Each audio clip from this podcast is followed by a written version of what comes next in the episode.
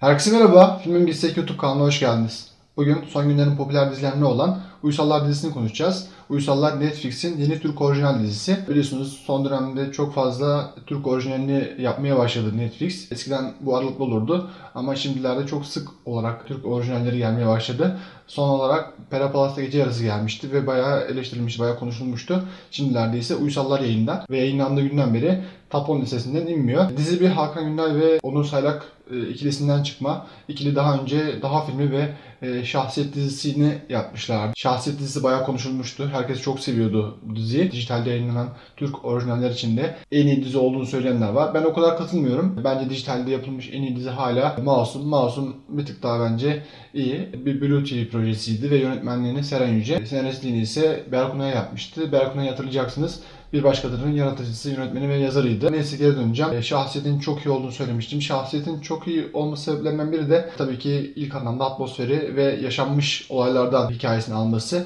İlkine bir bakalım. Atmosfer yaratımında şahsiyetin Feza Çaldıran var. Işık, atmosfer kurulumu çok iyi. Özellikle bu e, mefhumlar ilerleyen dijital projelerde, dizilerde ön ayak oldu şahsiyet. Diğer projelerde, diğer dizilerde de bunu görebilir hale geldik. Uysallarda da aynı durum var. Uysallarda da bir böyle atmosfer kurulumu, ışık, renk çok güzel bir şekilde kurulmuş. Bunun altında ise yine şahsiyette olduğu gibi Feza Çaldıran var e, görüntü yönetmenliğini yapan Feza Çaldıran bu atmosfer kurulumu konusunda, ışık kullanımı konusunda alışık olmadığımız yönetmenlerin, işte dizilerinin, filmlerinin noktaları görebiliyoruz Feza Çaldıran dünyasında. Uysalların dünyası da biraz biraz aslında böyle. O atmosfer kurulumu, ışık kullanımı bütün dünyaya sirayet ediyor. İşte zaten filmin hikayesi de biraz işte sistir, işte karanlıktır, distopyadır. Onları resmediyor. İşte punk kültürü falan filan. Bunları çok iyi kurulmuş durumda. Feza Çaldıran'ın burada büyük emeği var. Benim en çok dikkatimi çeken tabii ki atmosfer korumuydu. Diyelim ve e, hikayeye geçelim. Hikaye aslında e, son dönemin çok böyle klişeleşmiş hali olan beyaz yakalının sıkışmışlığı, bunalımı, yalnızlığı ve bu yalnızlığından nasıl kurtulma ihtiyacı diye özetleyebiliriz. Zaten son dönemde bu beyaz yakalı anlatma, beyaz yakalıya vurma veya beyaz yakalıyı eleştirme olayı çok klişeleşti. Herkes bir yerde bunları anlatmaya çalışıyor.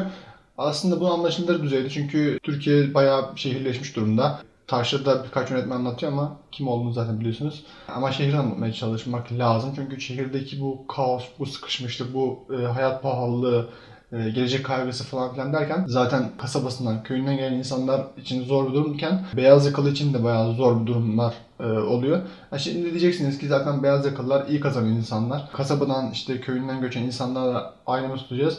Aynı tutacağız demiyorum ama bunların da şehrin o kaosu, işte şehrin alt etme hali, işte onlarla baş etme hali bayağı stres yarattığı bilinen bir gerçek. Yani bunlarla baş etmek de çok zor. Bu Uysallar ailesi de biraz böyle. Saylak ve Günday biraz bu Uysallar ailesinin bu sıkışmışlığı, bu tekrar eden hayatlarında nasıl e, farklılaşabileceklerini, nasıl hayatları boyunca istedikleri hayatı yapabileceklerini e, gösteriyor bize. Hikayede şöyle başlıyor. Oktay karakteri başarılı bir mimar. E, üst düzey bir şirkette e, mimar olarak çalışıyor ve bir cezaevi ihalesi almış şirket ve bu cezaevi yapılması için de Oktay görevlendiriliyor ama e, projeden sorumlu kişi bayağı sorumlu bir kişi. Yalnız, o da yalnız. İşte çocuklara falan terk edilmiş e, bir kaçamak olarak bu cezaevi işini yapıyor. Bu tutkuyla bağlı cezaevi işine. Cezaevi işi bayağı metaforla örülüyor. İşte o cezaevinden sorumlu kişi de metaforla örülü. Zaten dizinin her tarafında metafor örülü. Her tarafa bir metaforla çevrilmiş durumda. Bir yerden sonra bu diziyi yoruyor açıkçası. Bir yerden sonra izlemeniz de zorlaşıyor. Sayrak ve Günday ikilisi her şeyi anlatma kaygısıyla her şeyi boca etmişler. Ee, bir yerden sonra bu yorgunluk yaratıyor. Acaba hangisini takip edeceğim gibi bir kararsızlık yaratıyor sizde. Ee, neyse hikayeye döneceğim. Hikayede e, Oktay zaten yıllarca babasının gölgesinde kalmış. Babasının direktifleriyle mimar olmuş birisi. Bu mimar olduktan sonra yıllar sonra acısını tabii ki görüyor. Çünkü e, içinde çocukluğundan kalan, ergenliğinden kalan bir punk e, sevgisi kalmış. Ve yıllar sonra zaten ailesiyle, çocuklarıyla hiçbir şekilde yoluna gitmeyen bir ilişkisi var. Hatta evden kaçmayı düşünen bir e, karakter Oktay. E, bu kaçma halini düşünürken e, bir anda punk olmaya karar veriyor ve kendini punk kıyafetleriyle İstanbul'un ıssız sokaklarında Taksim'e bırakıyor ve kendi gibi olmuş artık punk olmuş insanların arasında karışıyor ve onlarla beraber bir ana kara diye karargah yaratıyor. Belki de kendini orada gösteriyor. Yıllar sonra tekrar yaşadığını hissediyor. Ayrı şekilde diğer karakterler de öyle. Ki burada bir parantez açmak istiyorum. Buradaki diğer karakterlerin hiçbiri yan karakter değil. Hepsi aslında başrol oyuncusu gibi. Hakan Günday hepsine ayrı bir background yazmış. Hepsinin ayrı bir dünyası var. Hepsinin ayrı bir sıkışmış dünyası var. Hepsi aslında bakıldığında bir baş karakter. İşte Nil'in de hayatı var, Ege'nin hayatı var. İşte hepsinin ayrı ayrı hayat var. Ege'nin hayatı var. Bunların hepsini ayrı ayrı e, domino olarak kurmuş olması Günday'ın buradaki başarısını gösteriyor. Burada tekrar şahsiyete döneceğim. Şahsiyette mesela Günday bu dünya kurma işini veya diyalog yazma işini çok yapamamış, çok kurtaramamıştı. Ama burada ciddi anlamda bunu başarmış gibi duruyor. Edebi olarak hiçbir şey göstermiyor. Bir edebiyatçı olduğunu burada hissettirmiyor. Senaryonun dinamiklerini hissederek, karakterin istediklerini yazarak e, olmuş. Yani çok fazla da konuşmuyor karakterler. Olması gerektiği zaman konuşuyor. Bazı zamanlarda çok konuşuluyor. Ben buna Leyla ile Mecnun vakası diyorum. Biliyorsunuz Leyla ile Mecnun'da çok fazla e, konuşurlar. Karakterler bir yerden sonra bıktırır insanı. Üşenmeyen bir yazar sanırım. Yazdıkça yazıyor. Özellikle Mecnun karakteri asla susmuyor ve ben bu konuşma hali, bu kalabalıktan sonra diziyi bitiremedim. Diziyi bitiremeyen nadir insanlardanım. E, çok zorladım ama bir türlü dizi bitmedi. Çok zorlamam gerekiyor muydu? Bilmiyorum ama zorladım. Bir bakayım ne oluyor falan filan diye. Ama bitmedi. Şimdilerde zaten remake yapılıyor. Acun Acun Medya, Acun'umuz diziyi tekrar satın aldı. Biliyorsunuz bugünlerde bir remake modası var. Her şeyin remake yapılıyor. Hem Türkiye'de hem dünyada. Özellikle Türkiye'de daha fazla gibi sanıyorum. Acun ve avanisi her şeyin remake'ini yapmaya başladı. Bence ekibi biraz sosyal medyadan içerik topluyorlar. Sosyal medyada ne konuşuluyor? Anısı olan, değeri olan, e, çocukluğumuzda kalmış ne varsa hemen biraz övünce hemen böyle e, özlenince hemen hadi bakalım programı yapalım Acun Bey falan gibisinden sanırım toplantısına koşuyorlar. Geçtiğimiz günlerde de bir tane Kanal D'de yayınlanmış, e, geçtiğimiz yıllarda Kanal D'de yayınlanmış bir programın yapılacağı haberini aldım. E, o programı da Acun Bey yapacakmış. Acun Bey yapsın tabii ki. Yeni formatlar denemeye artık uğraşmıyor. Zaten denediği formatlarında mahvediyor diyebiliriz. Bunun bakınız, e, Survivor bakınız. Var mısın yok musun formatlarının içine boşaltmıştı. Neyse geçelim tekrar uysallara çok fazla buralarda e, dipnot açıyorum sanırım.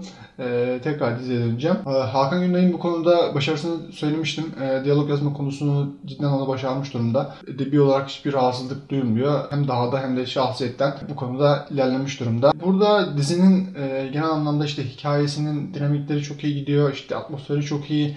Oyunculuklar zaten çok iyi. Özellikle son Öden çok güzel oynuyor. Öner Arkan da çok güzel oynuyor Oktay karakterini. Kas seçimi zaten çok iyi. E, kadroda zaten Haluk Bilginer var. Haluk Bilginer'in olmadığı artık şey kalmadı. Dijital yapım kalmadı. Metin Akdülger'le Haluk Bilginer e, zirveyi zorluyor açıkçası. E, ikilinin olmadığı dijital proje kalmadı. Hepsinde neredeyse varlar. Geçenlerde bir onunla ilgili tweet vardı. Haluk Bilginer'in olmadığı dijital proje sanırım çekilemiyor. Böyle bir izin çıkmıyor sanırım gibisinden diye. Sanırım öyle bir şey var. Her projede yer alıyor. Ama tabii ki hakkını veriyor. Hakkını yememek lazım. Her projeye e, tat veriyor. Yükselmesini sağlıyor. Burada da aynı şekilde diğer oyuncularla beraber Haluk Bilginer'de zaten çok güzel oyunculuklar var. Bu kadar sonra dizinin sorunlarına bakalım. Bence sorunlardan biri var ki en büyüğü ve bu sorunu nasıl e, çözecekler, bu soruna karşı nasıl bir söylem geliştirecekler cidden çok merak ediyorum. Dizideki Yağmur karakteri Nil'e bir ara e, tecavüze uğradığını söylüyor. Patronun tecavüze uğradığını söylüyor. Neyse bu tecavüze karşı koymasını istediğinde ise kovulma korkusuyla karşılaşacağı için bu tecavüze karşı koyamayacağını söylüyor. Yani böyle bir yapıyı nasıl kurarlar? Böyle bir anlatıyı nasıl kurup etrafında yani böyle bir anlatıyı kurup devamında bunu eleştirecek, bunu yerecek veya bunun karşı söylem geliştirmezler. İnsan inanamıyor. Bunu bir yerde de konduramıyor.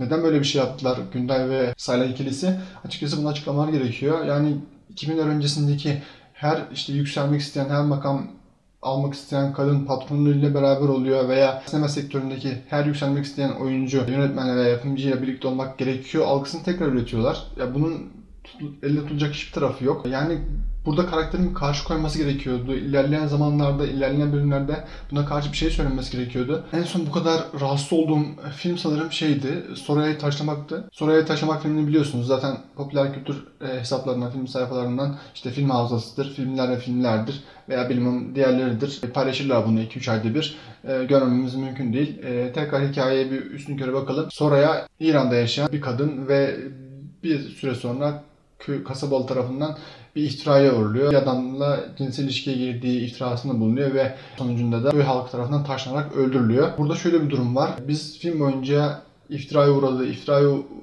uğramasaydı ne olacaktı arkadaşlar? Yani iftiraya uğramasaydı bir kadın başka biriyle birlikte olduğu için öldürmeyi hak mı edecekti? Filmde cidden akıl almayan bir önerme var. Uysallarda da aynı şey var. Böyle bir önermeyi nasıl kurdular, böyle bir dünyayı nasıl kurdular? Hayretler içinde kalıyorum. Böyle bir şeyi nasıl yaptılar?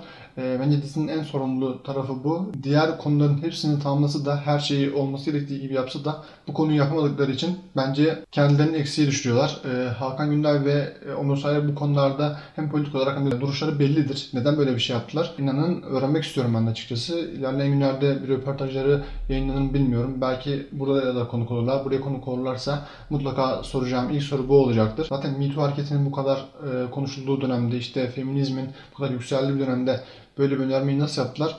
İnanılır gibi değil. Yani bunun gerek var mıydı? Yağmur karakteri zaten canlı, cap canlı bir karakter. Başka bir yerden anlatılamaz mıydı? Bence pek tabii anlatılabilirdi.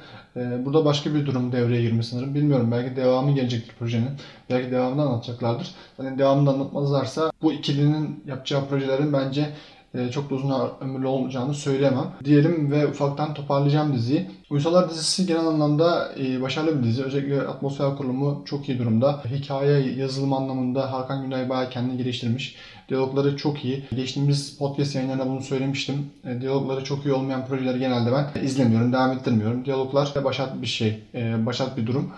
Diyaloglar iyi, hikaye iyi. Sonrasında zaten görüntüye, atmosfere falan bakıyorum. Burada da iyiyiz ama dediğim gibi bu tecavüz olayının yaklaşmaları uysalları biraz geriye çekiyor. Bu konuyu açmalar lazım. Burada şöyle bir eleştiri almış uysallar okuduğum kadarıyla. Dizinin normalde bir film süresinde olduğunu ve bu kadar uzatılmanın anlamsız olduğunu söylemişler. Ee, arkadaşlar son dönemde dijital platformlar, e, sinemalar güç kaybettiği için e, filmden ziyade dizi önem veriyorlar. Yani bir film götürdüğünüzde, bir film fikri götürdüğünüzde bunu minimum 8 bölüm yapalım diyorlar ve sizi bu şekilde teşvik ediyorlar. Bence e, Saylak ve Günday da bu şekilde projeyi diziye çevirdiler. E, bu dizi pek tabii filmde olabilirmiş tabii ki. Ama dediğim gibi bence süreyi yayma anlamında e, gayet tatmin ediyor. O kadar rahatsız edici bir durum yok. Bir de şöyle bir durum var. Netflix projenin tutma ve tutma olasılığına karşı, her ihtimale karşı dizinin sonlarını açık bırakıyor. Bu açık bırakmayla dizi tutarsa tekrar ikinci sezonu veya devam eden sezonların gelmesini sağlıyor. Bunu pek çok dizide görebilirsiniz. Bu dizide de aynı şekilde olmuş. Salak Günday ikinci sezonda sanırım olacaklar diye düşünüyorum. Çünkü gelen olumlu eleştiriler vardı. Perapalas gibi veya kulüp gibi lince uğrayıp çok fazla izlenmedi ama bence iyi bir izlik, iyi bir kaliteli bir içerik oldu. Punk kültürünü yapması, işte atmosferinin grotesk olması bazı kesimleri mutlu etmiş diye düşünüyorum. Hangi kesimler olduğunu söylemeyeceğim tabii ki. Arayın bulun. Bana ne. O kadar da açık etmeyeceğim. Diyelim ve ufaktan programı kapatalım diyeceğim. Bu hafta bir bölüm dahanın yeni bölümünde Netflix'in yeni Türk orijinal dizisi Uysalları konuştuk. Uysalların hikayesine, atmosferine, oyunculuklarına ve tartışmalı yönlerine baktık. Başka bir bölümde görüşmek dileğiyle. Hoşçakalın.